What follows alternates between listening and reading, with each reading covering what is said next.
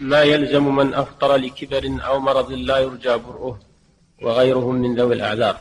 الحمد لله الذي حكم فقدر وشرع فيسر وما جعل علينا في الدين من حرج. صلى الله وسلم على نبينا محمد وعلى آله وصحبه ومن سار على نهجه تمسك بسنته إلى يوم الدين. وبعد أيها المستمع الكريم إن الله سبحانه أوجب صوم رمضان على المسلمين أداء في حق غير ذوي الأعذار وقضاء في حق ذوي الأعذار الذين يستطيعون القضاء في أيام أخر. وهناك صنف ثالث لا يستطيعون لا يستطيعون الصيام أداء ولا قضاء كالكبير الهرم والمريض الذي لا يرجى برؤه. فهذا الصنف قد خفف الله عنه. فأوجب عليه بدل الصيام إطعام مسكين عن كل يوم مدا من البر أو نصف صاع من التمر من التمر وغيره. قال الله تعالى لا يكلف الله نفسا إلا وسعها.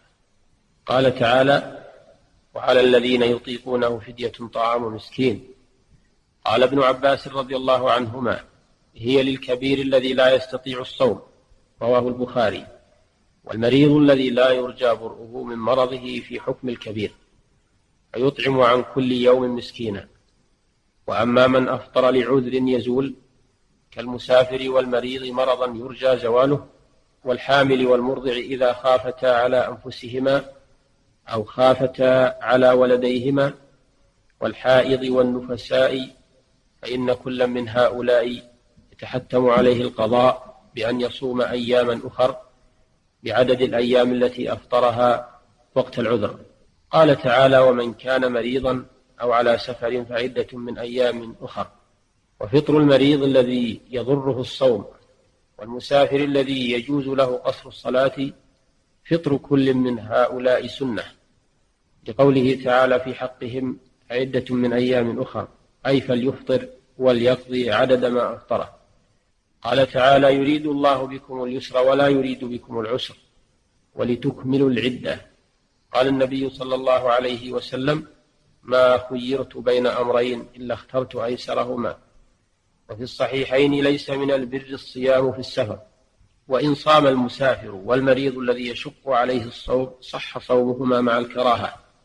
وأما الحائض والنفساء فيحرم في حقهما الصوم حال الحيض والنفاس ولا يصح. لقوله تعالى وعلى الذين يطيقونه فدية طعام مسكين قال ابن عباس رضي الله عنهما كانت رخصة للشيخ الكبير والمرأة الكبيرة أن يفطرا ويطعما مكان كل يوم مسكينا والمرضع والحبلى إذا خافتا على أولادهما أفطرتا وأطعمتا رواه أبو داود وغيره.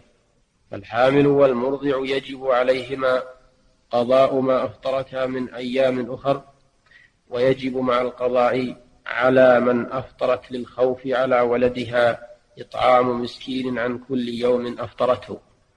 قال العلامة ابن القيم رحمه الله أفتى ابن عباس غيره من الصحابة في الحامل والمرضع إذا خافتا على ولديهما أن تفطرا وتطعما كل يوم مسكينا إقامة للإطعام مقام الصيام.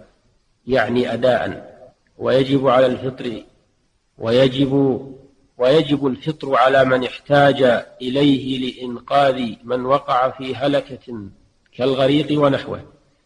قال ابن القيم أيضا وأسباب الفطر أربعة السفر والمرض والحيض والخوف من هلاك من يخشى عليه الهلاك بالصوم كالمرضع والحامل تخاف على ولديهما أو على أنفسهما.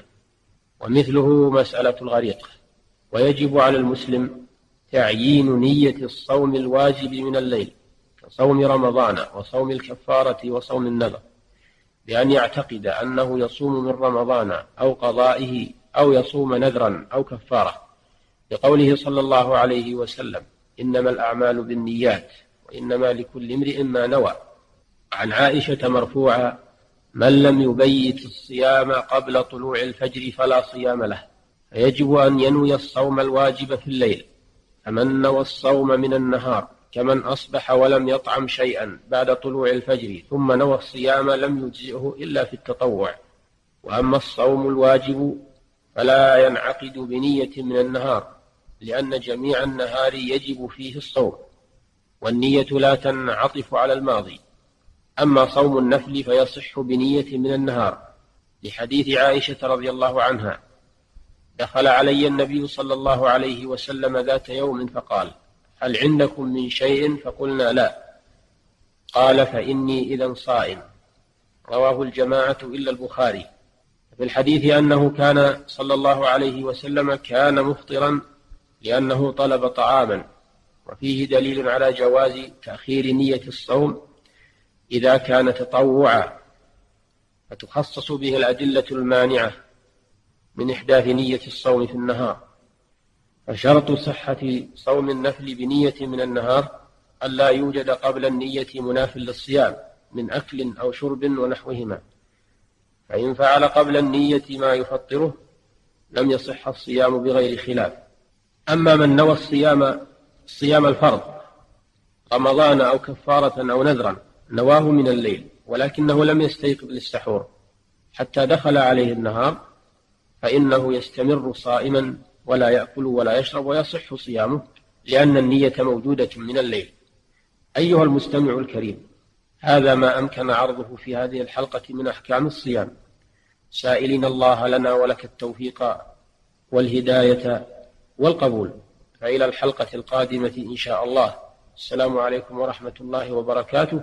صلى الله وسلم على نبينا محمد وآله وصحبه أجمعين والحمد لله رب العالمين